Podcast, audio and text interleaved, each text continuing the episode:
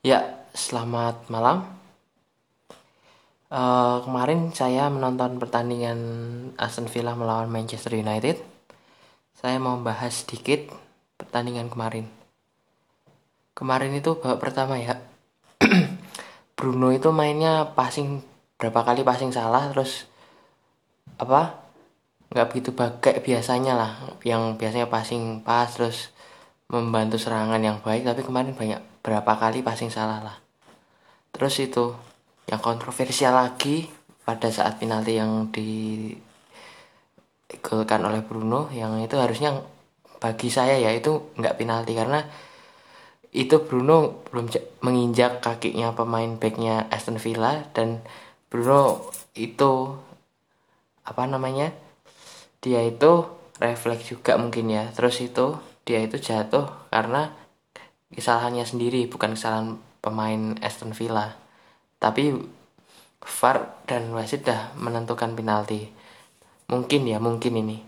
Mungkin dalam pandangan wasit itu adalah pelanggaran yang menjatuhkan si Bruno maka diberilah pelanggaran. Dan VAR kalau dalam video diulangi berkali-kali ya waktu itu yang VAR itu harusnya nggak penalti tapi VAR itu tetap tetap memberikan penalti.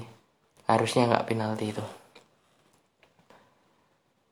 Terus golnya si Greenwood yang counter itu ya keren juga ya Greenwood. Masih 18 tahun ya itu udah cetak gol yang luar biasa dan mencetak banyak gol lah.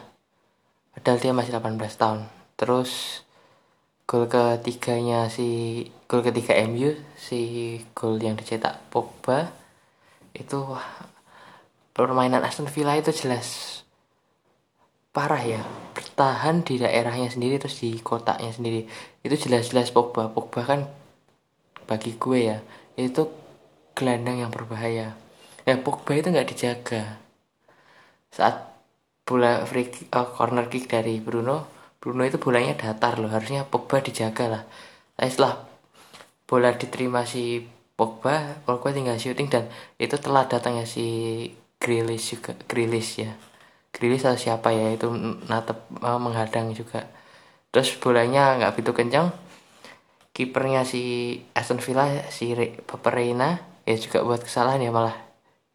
Diam saja padahal bolanya nggak begitu kencang ya pertahanannya juga malah lihat aja. Pertahanan Aston Villa ini parah. Terus golnya si Greenwood juga nggak begitu kencang cuma kipernya nggak bisa ngehalau aja. Ya dengan dalam lanjut lanjutnya ya ini dalam pendapat saya ini MU memang agak diuntungkan sama wasit ya karena harusnya harusnya harusnya si Bruno itu yang dilanggar itu nggak pelanggaran. Dan bisa saja bisa saja kalau itu VAR-nya tidak mengesahkan penalti bisa saja Bruno kartu merah. Nah saat kartu merah pasti permainan akan imbang. Karena ya kita semua tahu lah Aston Villa mainnya kayak gitu di belakang semua. Terus kalau nggak counter ya mereka sempat berapa kali ngasih penyerangan yang ke Manchester United yang sedikit berbahaya yang kesalahannya Pogba yang bisa di uh, di tendang sama si Grealish tapi masih melenceng jauh ke atas. Terus itu juga. Kalau misalnya kalau misalnya si Bruno kartu merah nggak cuma imbang mungkin MU akan kesulitan dan kesulitan menang lah tapi dibalik itu semua nggak uh, katakanlah kemarin tidak ada kontroversial kontroversial kontroversial kayak kemarin ya. Itu aku yakin lah MU mesti menang.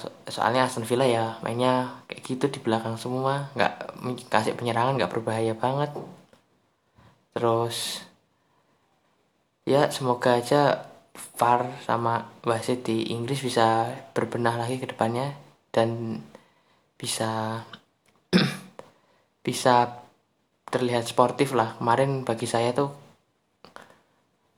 tidak sportif ya. Harusnya MU nggak layak dapat penalti. Sekian dari saya. Terima kasih telah mendengarkan podcast saya. Thank you and see you later